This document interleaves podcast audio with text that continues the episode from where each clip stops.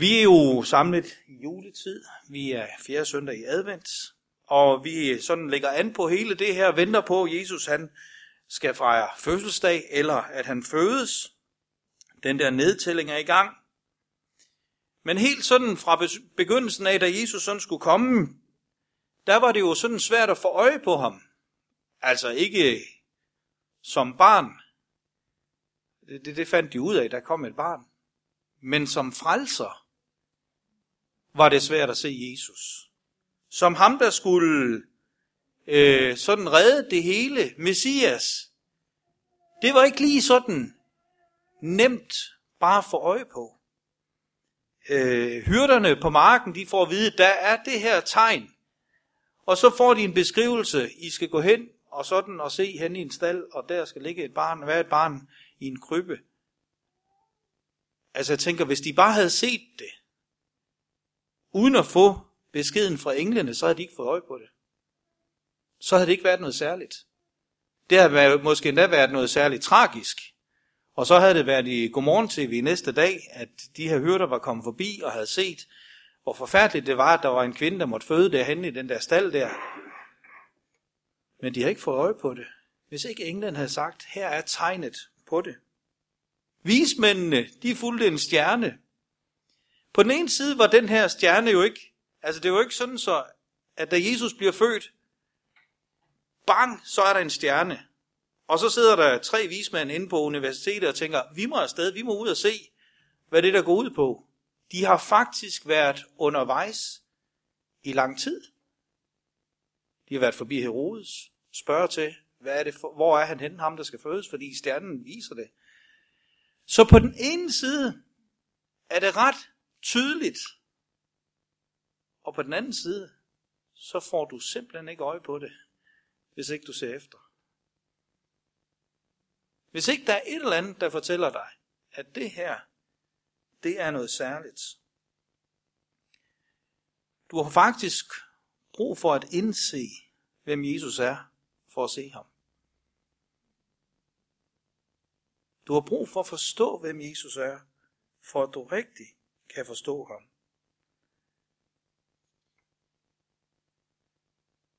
Det jeg rigtig gerne vil bruge noget tid på i dag, det er det, der hedder åbenbaring. Når noget åbenbares for os. Og hele Jesu liv, både det han levede, men også det han lever i dag, har brug for, at det åbenbares, for at vi kan se det. For ellers så kan vi gå lige ved siden af det, og slet ikke få øje på, hvad det er, han er gang i. Sådan er hovedtemaet, at den eneste måde Gud virkelig bliver levende for os på, det er ved at han åbenbares. Emnet Jesus er vejen. Ja, det kan man sige. Der er også nogen, der sådan, øh, eller, eller øh, man kunne tage den der, jeg kom til at tænke på, da jeg lige hørte den der Jesus er vejen. Jesus han siger på et tidspunkt jo til disciplen, hvem siger I er? Har I set mig? Har I forstået, hvem jeg er? Øh, fordi de snakkede om, hvem alle sagde, han var. Og øh, Jesus han spørger Simon Peter, og Simon Peter svarede, du er Messias, Guds egen søn. Så siger Jesus til ham, du er en velsignet mand, for det har du ikke fra mennesker, men det har min far i himlen åbenbart for dig. Altså disciplene gik sammen med Jesus, så alt, hvad han gjorde, og alligevel skulle der åbenbaring til, for at de forstod, at det var Messias, de gik sammen med. Gud bliver nødt til at åbenbare sig for os, for at vi kan se ham. Det er faktisk derfor, hvis man sådan, øh, hvad skal man sige, jeg har haft, jeg har nogle, haft nogle snakke øh, med nogle folk, som ikke har været vant til at komme i kirke, øh, måske ret mange år af deres liv. Øh, nogle gange kan det være nogen, der rent faktisk godt ved, for eksempel hvor vores kirke i Sønderborg ligger henne. Og lige pludselig åbenbares Jesus for den. Lige pludselig ser de ham. Og så bliver reaktionen, hvorfor i alverden har jeg ikke set det noget før? Nu har jeg kørt forbi herude på vejen.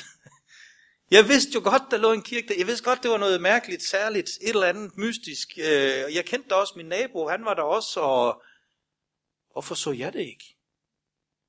Og den dag, det bliver set, den dag, det bliver åbenbart, åbner der sig en helt ny verden. Men hvorfor i alverden så jeg det ikke?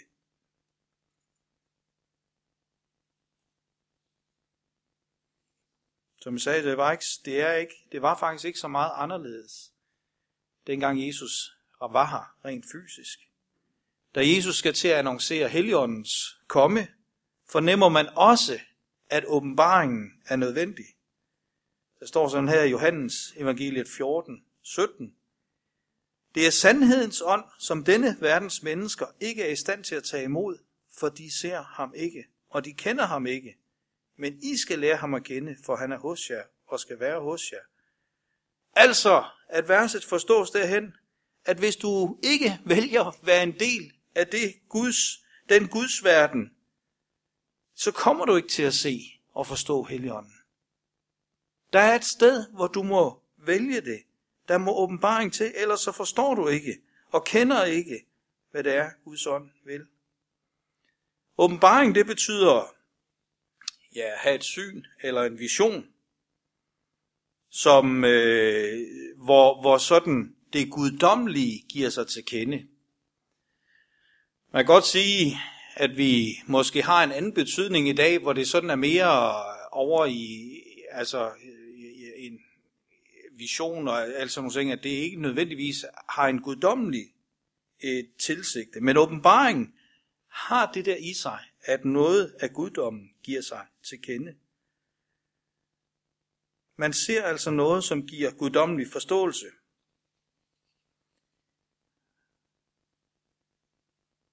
Og i hvert fald en ting, som er vigtig for os at forstå, når vi har med det at gøre, det er, du kan ikke bare sige, altså et er, at dem, der kører forbi herude, kigger og tænker,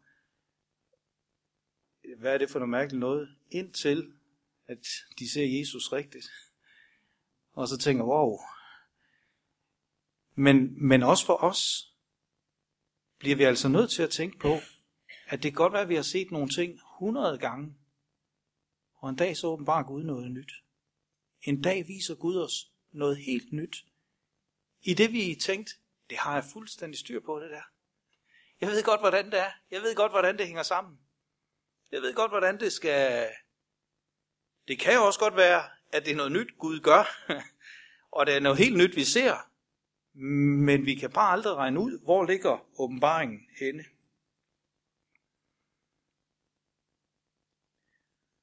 Jesus han har en samtale med Nikodemus, og i den oversættelse fra 92, så langt var jeg tilbage for at finde det, fordi det synes jeg, jeg kunne huske, at det har stået sådan. Der siger han, sandelig siger jeg dig, den der ikke bliver født på ny, kan ikke se Guds rige. Og mange gange Jesus han sagde, ser I det ikke? Det er lige omkring jer. Hvorfor bruger jeg tid på det her? Jamen det er nok her, hvor jeg nok rammer en, en, en tråd fra det, jeg også talte, da jeg var her sidst. Men det er fordi, det fylder meget for mig. Min pointe, en af mine pointer i dag bliver, det giver nemlig ikke mening, at vi arbejder på at overbevise mennesker om, at Gud findes. Vi kan ikke bevise Gud for mennesker. Der må åbenbaring til. Og det er faktisk et af de sværeste steder, og jeg synes, det er vildt interessant for mig. Vi arbejder rigtig meget i Sønderborg på, at det gudsforhold, du har, det har du helt og aldeles frivilligt. Så hvis du giver penge, så er det ikke fordi, der er et eller andet gruppepres om, at det er nok det rigtige, vi gør i den her sammenhæng. Nej, hvis du giver penge, er det fordi, du har en oplevelse af, at det er en vigtig ting for dig i din tilbedelse af Gud, at du gør det. Eller hvad det måtte være. Vi forsøger at arbejde med den der fri, frihed. Og det er det, vi oplever rigtig mange mennesker egentlig drages også af, jeg kan få lov til at være troende her, hvor jeg nu er, så langt jeg nu er kommet med mit liv, så langt jeg nu har forstået. Så sker der det, at Jesus åbenbares for de her mennesker. Og de blev mødt af den største frihed. Og det næste, der sker, det er, at de stort set tvinger et hvert menneske, de kender, til at kende Gud. Fordi de lige pludselig har set, hvor fantastisk Jesus han er. Så det må alle da sige ja til. Så nu går jeg hen og får fat i min mand, og han skal tvinges med, og de skal bare ind.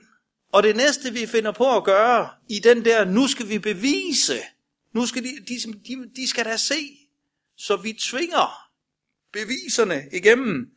Der vi begynder at tænke, åh, jamen, hvordan kan jeg så få, hvordan kan jeg så få den, jamen hvis, hvis nu de ser en helbredelse, hvis nu de ser en helbredelse, så kan de da ikke være i tvivl om, at Gud må findes.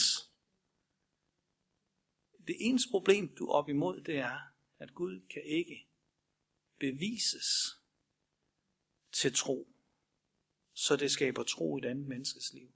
Han må åbenbares for det menneske. Og nogle gange så sætter vi det ja, rigtig meget op. Man begynder jo at kan finde på at synes, at ens kirke søndag formiddag, så skal vi sørge for, at altså, altså vi, gider ikke, øh, vi gider ikke ham der onkel Ole, der altid fjoller op ved mikrofonen der, fordi, fordi så, så, så er det nok lidt pinligt at have, have folk med til gudstjeneste, fordi øh, så vi må også hellere have styr på, hvem er egentlig på. Det skal jo se pænt ud. Kan vi overhovedet blive, blive ved med at invitere Lars, hvis det er sådan, at vi vil have fremmede til at tro på Jesus? Og så begynder vi at lave program. Der er kirker, der har på, der, der programstyrer deres gudstjeneste, hvor der sidder et helt setup ned bagved, der sidder og kører præcis og tæller ind i ørerne på, på små højtalere, at nu skal der siges det, nu skal der gøres det. Og vi må ikke vige udenfor, fordi det skal være så pænt og så rigtigt. Fordi så kommer folk til at tro, hvis det er pænt og rigtigt. Det der fjolleri, det kan de ikke forholde sig til. Jeg vil bare gerne sige, åbenbaring af Kristus. Det slår alt. Du, du kan pakke alt det der program og alt det der fine styring og og det er derfor, jeg tillader mig at sige, at jeg også nyder at være her. Alt det der, I har sammen, inden vi starter, fylder langt mere for mennesker, der kommer ind, end at det lige er skåret rigtigt. Det er langt vigtigere.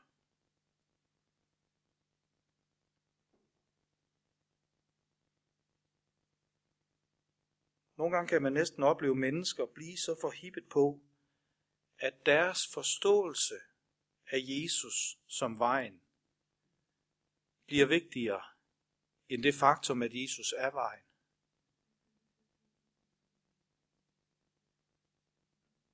At det bliver vigtigere, at jeg bliver præsenteret for deres forståelse af Jesus som vejen, end at jeg bliver præsenteret for Jesus som er vejen. Det er jo sådan set sympatisk nok, for længslen er jo bare, at mennesker skal møde Jesus. Men vi skal bare tænke os rigtig godt om, for jeg er ikke sikker på, at vi altid ender med at få skabt noget, som indbyder mennesker til at møde Jesus. Andre giver sig til videnskabeligt at ville bevise Gud. Nogle giver sig til at lede efter gamle bibelske historiske ting, Noras ark, eller hvad det er, vi som kristne kunne give os til at lede efter, og synes kunne være vigtigt. Og jeg synes sådan set ikke, der er noget galt med det. Der er kun det galt med det, at hvis vi tror, at det overhovedet overbeviser et eneste menneske om, at Gud findes, så er det den mest besværlige vej, vi overhovedet er slået ind på. En stolen på, at Gud må åbenbare sig. Og det er det stærkeste. Det må være det sted, vi arbejder ud fra. Sådan var det, da Jesus blev født. Han skulle åbenbares. Sådan er det i dag. Det eneste, der virkelig flytter mennesker, det er, at de ser Jesus selv. At de oplever, hvor god en Gud han er. Hvor fuld af kærlighed han er. I menigheden har vi en dame i øjeblikket, som tager flere og flere skridt, fordi hun oplever, at det her det er det bedste, hun nogensinde har oplevet. Hvis ikke hun er pensionist, så er hun tæt på. Det er først nu, hun har set Jesus rigtigt. Det er så kraftigt inde i hendes liv, at hendes mand har haft mistanke om, at hun havde fundet en anden. Så meget, så han har læst hendes mobil, telefonbeskeder og alt sådan noget, hvad hun er i gang i. For hun begyndte jo at klæde sig pænt på, når hun gik ud af døren og skulle afsted til det her gospel, eller hvad det var. Når Jesus virkelig får ved, så gør det noget ved os. Så forandrer det os. Så forvandler det os. Og det er ikke kæmpe programmer. Det er ikke øh, alle de her ting, der nødvendigvis gør det. Jeg er med på, at selvfølgelig kan det få folk til at få øjnene op for noget.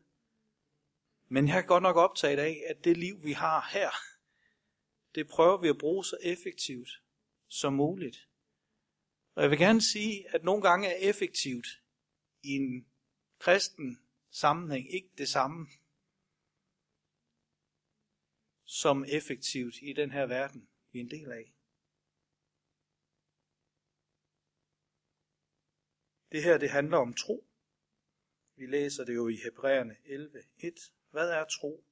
Tro er grundlaget for vores håb. Det er en overbevisning om ting, der ikke kan ses. At tro på Gud har altså ikke altid med noget at gøre med, hvad vi kan se. Sådan direkte. Der må åbenbaring til. Og jeg kan godt tænke mig at pege på to ting, som jeg mener er langt mere effektive redskaber til at nå ud til mennesker, end alt det her fine, vi kan stille op og bruge rigtig meget tid på.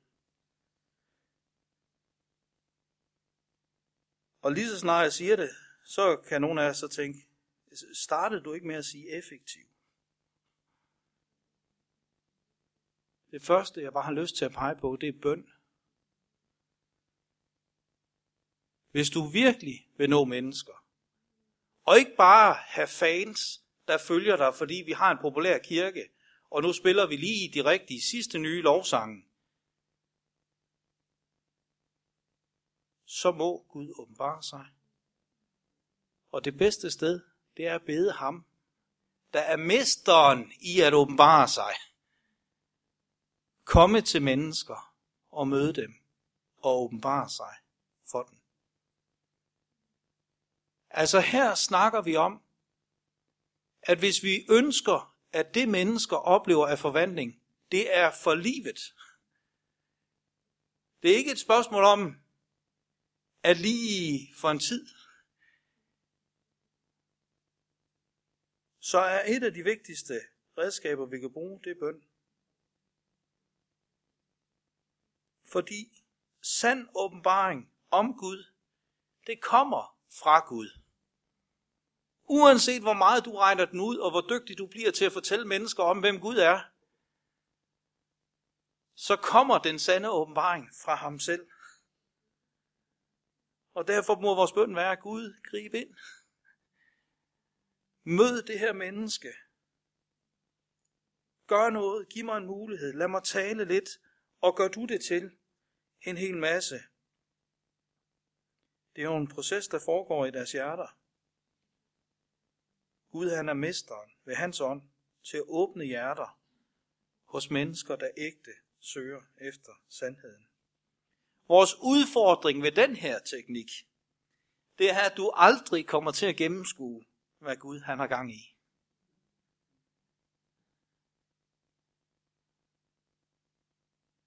Når, når jeg skal tænke, så tænker jeg, at det er da, det er da ham dernede af vejen, der er den næste. Men når jeg overlader det til bønden, så aner jeg ikke en meter om, hvem der er den næste, hvor den næste samtale er henne, hvad det næste er, der åbner sig. Du aner ingenting. Og bliver nødt til også at skuffe dig, når vi nu startede med at sige effektiv. Du ved heller ikke, om det er resten af livet, du skal bede for nogen. Og om du nogensinde ser resultatet. Men kunne vi ikke godt, når vi nu gerne vil være kirke, overgive os til, at han må tage sig af resultaterne. At vi gør det, der er vores del, og han tager sig af, hvad der er hans del. Og hvad hans vej er, det må han styre. Men jeg vil bede for det menneske. For det har, jeg lagt, det har Gud lagt mig på hjerte. Og så overgiver jeg mig til, at jeg kender ikke effektiviteten i den proces. Jeg kender ikke hans vej. Jeg ved ikke, hvornår han åbner. Hvis det er overladt til mine tanker at udtænke, hvordan mennesker skulle mødes, så kunne jeg aldrig finde på at tænke, at noget menneske skulle opleve noget ondt, for at Gud kunne få sin vej. Ikke en udfordring, ikke noget. Alle mine tanker vil gå på, Gud gør noget godt, så de ser dig.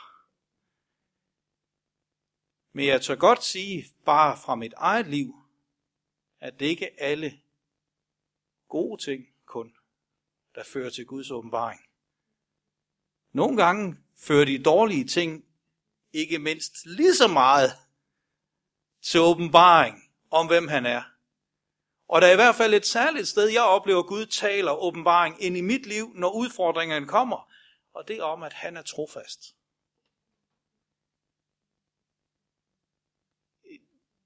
Det betyder, hvis jeg overgiver mig til teknikken at bede for mennesker, så ved jeg ikke, hvad der sker med den.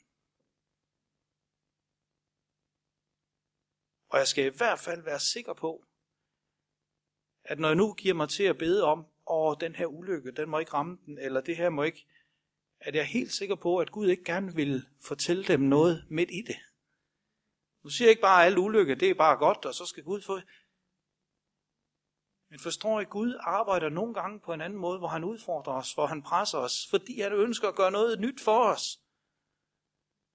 Og det er som om, vi kommer ikke ud af den der vanetænkning, før vi virkelig er mast helt op i et hjørne. Og der står vi så, og der er ingen udvej, og lige om lidt bliver jeg også fyret, og lige om lidt så, og, og, og hvad gør jeg så? Og der kan Gud få lov at åbenbare sig. For der mister vi os selv så meget, så han virkelig kan komme til. Det er det, vi overgiver os til i teknikken, at bede for mennesker. Og så bliver jeg nødt til bare lige at slutte den teknik af med at sige, at du kommer også undervejs til at tænke, der sker jo ingenting. For sådan ser det ud fra vores perspektiv. Gud gør jo ikke noget, men han gør noget. Gud har gang i så langt meget mere, end vi overhovedet kan fatte. Drømme om. Og lige nu kan vi sidde og tænke, men hvorfor er der ikke fulde huse her, når Gud han er så stærk? Men han er i gang ude i boligblokkene. Han er i gang i de små hjem. Han taler ind i hjerterne. Han, han er i fuld gang. Vi sidder her og bare har pause et lille øjeblik, inden vi skal ud i den virkelige verden og holde gudstjeneste. Lige nu har vi bare pause, men han er i fuld gang. Der er mennesker, der bliver mødt af ham lige nu. Og det skal vi bare ikke tage fejl af. Nogle gange tror vi, at Gud er begrænset til det, vi ser. Men han er i fuld gang. Et andet element, som jeg mener i den grad åbner øjnene op for andre, for, som åbner folks hjerter op for, at Gud findes, og at han kan åbenbares, det vil jeg bare gerne sige, og det bliver, jeg ved ikke om det er en overraskelse, eller hvad det er. Det er dit liv.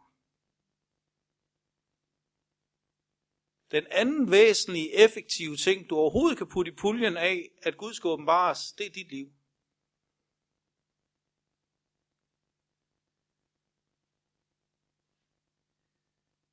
For nylig, der var jeg, eller jeg kan lige sige, at min situation fra da jeg var her sidst, det er, at jeg har øh, rent arbejdsmæssigt øh, er op og arbejde fuld tid ude i en lille tømmerfirma. Vi, jeg sidder og bogholder derude, og vi har, jeg er blevet nødt til at måtte hjælpe i en periode, fordi jamen, vi har gang i alle mulige ting, som er alt for besværligt at fortælle lige nu her.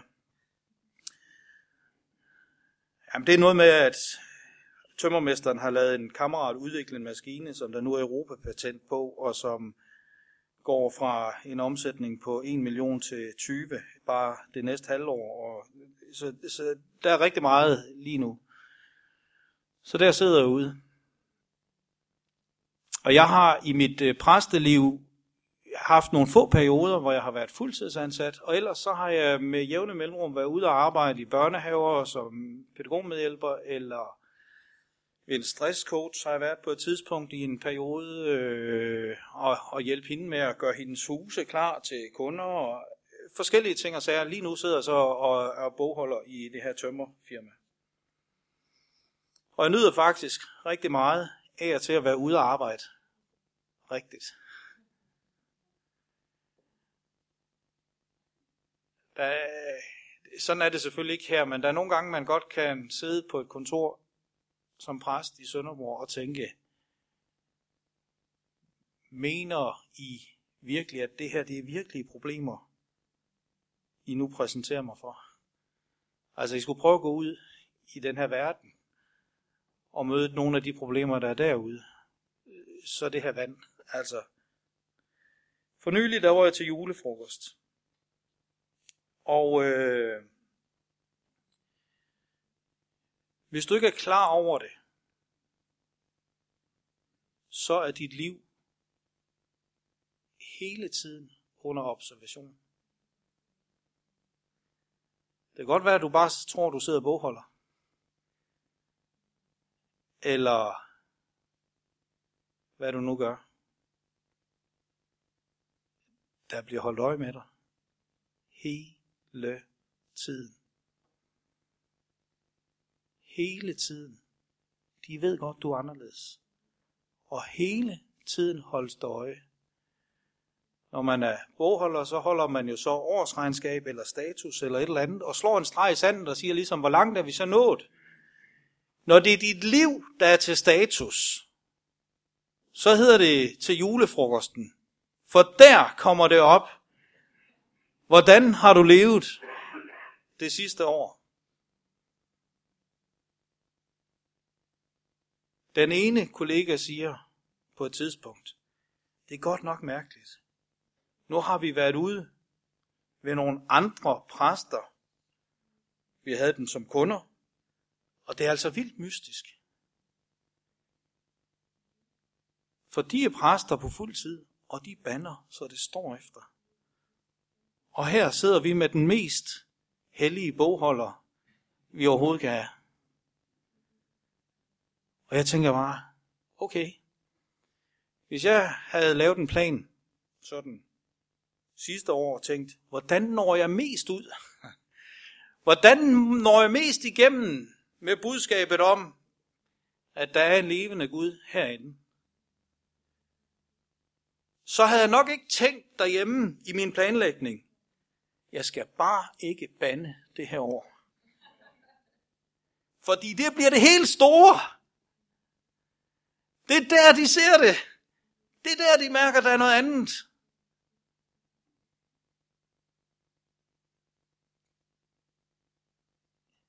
Selv der er du under observation. Hele tiden.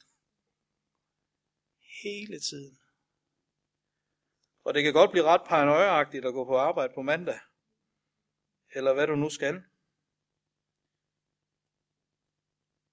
En anden kollega siger lige hen over bordet, han har ikke nået at holde status på mig, fordi han faktisk ikke har været her i firmaet så lang tid, men har, og har dermed ikke opdaget, at jeg var præst ved siden af. Så det går op for ham midt i samtalen. Er du præst? Ja, det er jeg. Tror du så på Gud? Ja, det gør jeg da, siger jeg så. Han har været ude med en præst, et andet, en anden landsdel. Han har været ude ved en præst, og han har spurgt hende, tror du på Gud? Og hun har sagt nej, det gør jeg ikke. Hvorefter han var helt totalt måbende over for hende. Han kunne ikke holde det tilbage. Så siger du må da tro på Gud. Og hendes svar er, nej, det er da bare et erhverv. Hvor herpå han må sige til hende, prøv lige her, man kan være tømmer, eller man kan være sygeplejerske. Det er erhverv. Men at være præst, det må man være kaldet til. Han vidste godt, hvad der skulle til. Du, du er konstant under observation. Tror du?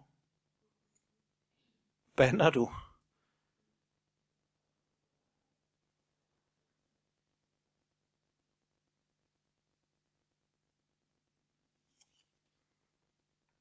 Jeg har lyst til at sige, at anden, nummer to del af den teknik, der virker, der virkelig flytter noget, det er, står under overskriften, dit liv tæller.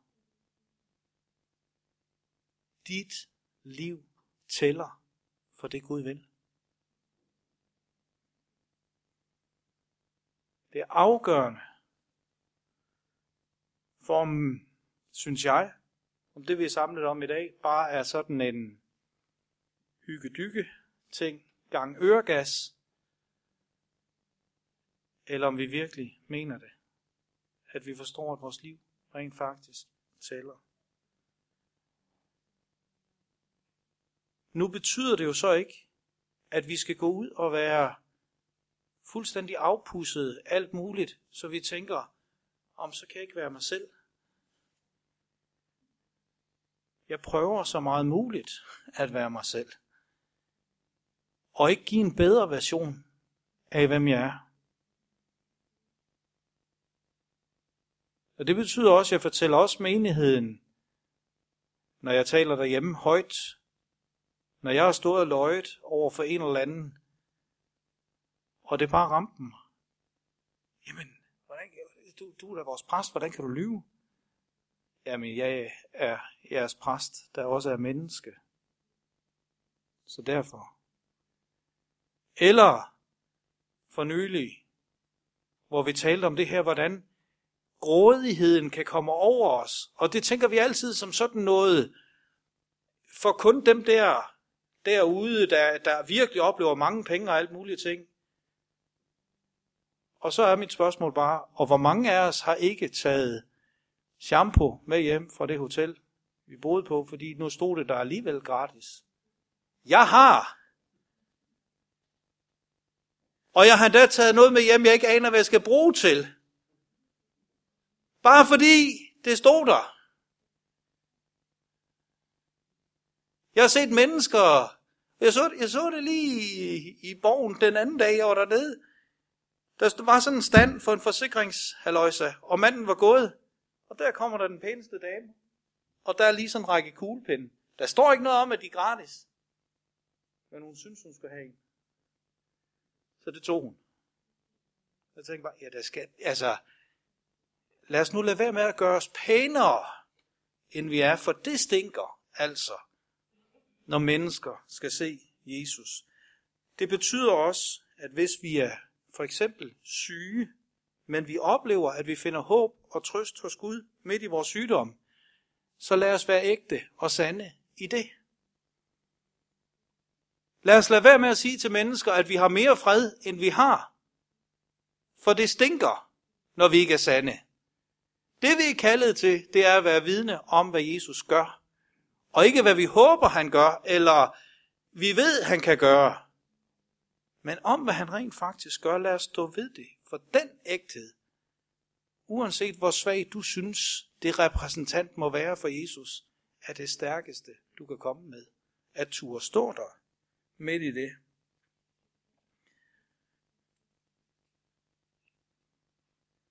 Jeg har så mange eksempler på mennesker, både i mit eget liv, men også fra alle mulige, der kommer hen og spørger på, hvorfor er du anderledes? Vores liv, de lugter altså af noget fantastisk anderledes. Og vi er på.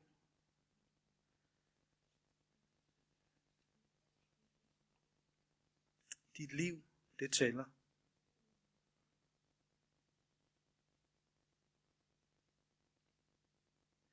Jesus han bliver i Kolossenserbrevet kaldt Guds usynlige billede.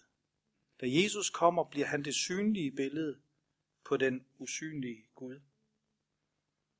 Jeg har bare lyst til at udfordre dig, fordi jeg tror, vi misser noget, hvis vi bliver ved med kun at sige det. I dag er sandheden også, at du er Guds usynlige billede.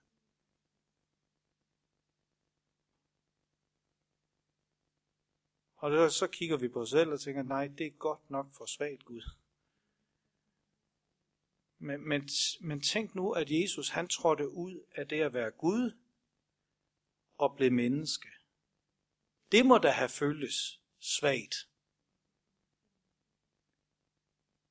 At skulle overgive sig til at være i en krop fysisk lige pludselig, når man var Gud, det må da have føltes svagt. Men han var det usynlige billede. Romerne 8, 19, der står der sådan her. For skabningen venter med længsel på, at Guds børn skal åbenbares.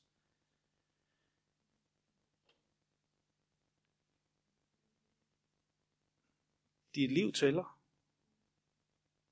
Og hele den her verden rundt omkring dig, den der nu er rundt omkring dig, den venter på, at du som Guds barn åbenbares.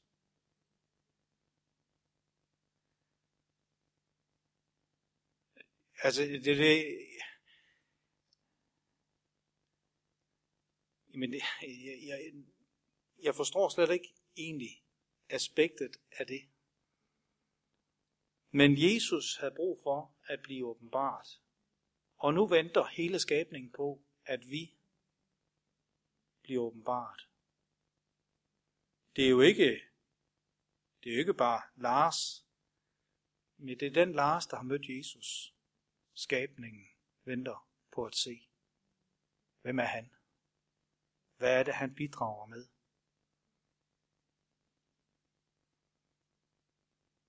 En af mine kollegaer havde et byggemøde på en ret stor sag, og det var ved at gå fuldstændig af sporet.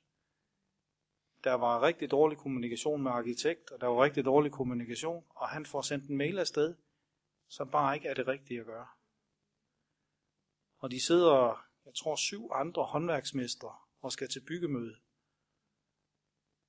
Og er sure over den mail, vores firma har sendt. Og vi er ikke så stort et område, at vi bare kan sige, pyt, vi finder nogle andre samarbejdspartnere. Så spørger han mig lige pludselig. Jeg skal til det her møde, jeg ved ikke, hvad skal jeg gøre? Hvad er det rigtige at gøre? Jeg siger, i, mit, i min verden, så er det at bede om ordet fra start og sige, jeg er ked af den mail, jeg har sendt rundt. Det var ikke det rigtige at gøre. Og dem, du har brug for at sige mest undskyld til, kan du så sige undskyld til. Og så kan du jo tage den op med dem senere, hvis de har brug for at snakke mere.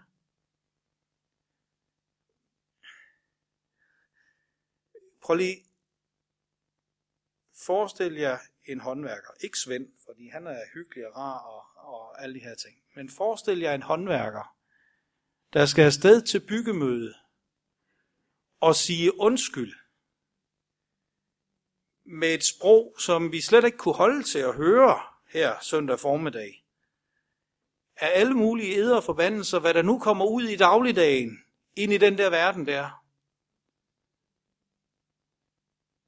Og manden tager afsted og kommer tilbage og er fuldstændig høj. Jeg gjorde det.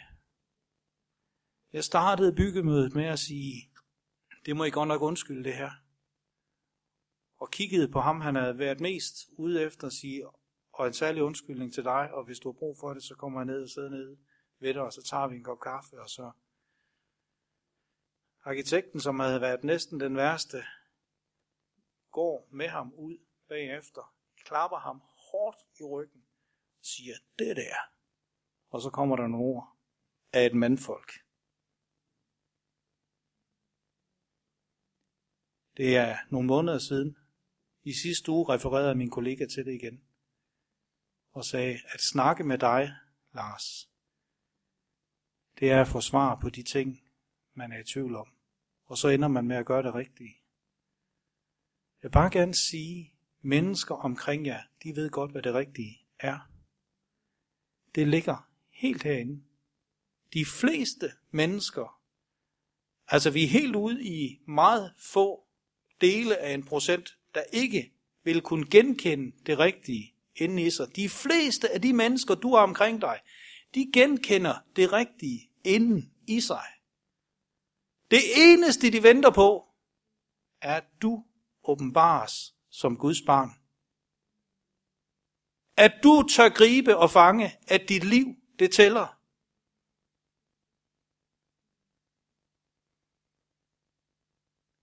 Og det rent faktisk nytter noget, det du siger, når du tør mærke efter. Når du tør mærke Guds livet indeni, og lad det boble ud. Og det blev jo ikke en lang fortælling til min kollega om, Nå, men Bibelen siger også, at vi skal, og sådan og sådan. Det blev bare, hvad er det rigtige at gøre her? Og hvad betyder det? Det betyder, at han har smagt retfærdigheden. Og den lå derinde. Han vidste godt, den var rigtig, men han har smagt den. Og hvad betyder det? Næste gang han smager retfærdighed, håber jeg, det er i en kirke. Eller sammen med nogle kristne. Og så vil han sige, den der retfærdighed der, den kommer altså, når jeg er sammen med nogle særlige mennesker. Der er et eller andet særligt ved de mennesker. Og det øjeblik, han begynder at sige det, det er det nemt at sige. Det er fordi Jesus han bor herinde. For jeg er ikke retfærdig i mig selv. Men jeg stoler på, at Gud åbenbares. Og at jeg får lov til at blive åbenbart, så du kan se, hvem du er. Jesus, han er vejen. Men hele Guds skaberværk venter med længsel på, at du åbenbares som Guds barn. Og det er det eneste, der virkelig får folk til at se, hvem Gud er. Og hvis alt andet, det svigter, så gå tilbage til punkt 1. Så bed. Lad os bede sammen.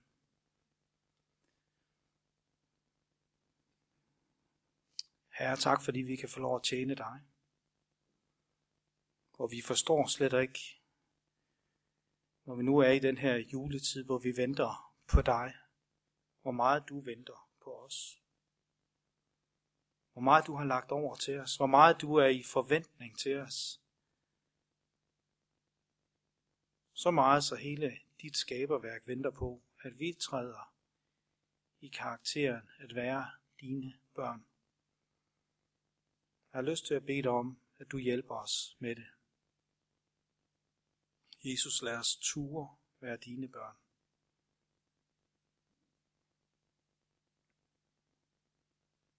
Og så beder jeg om, at du må blive åbenbart for mange mennesker.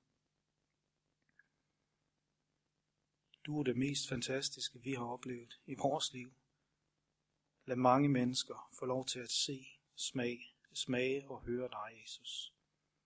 Det beder vi om i Jesu navn.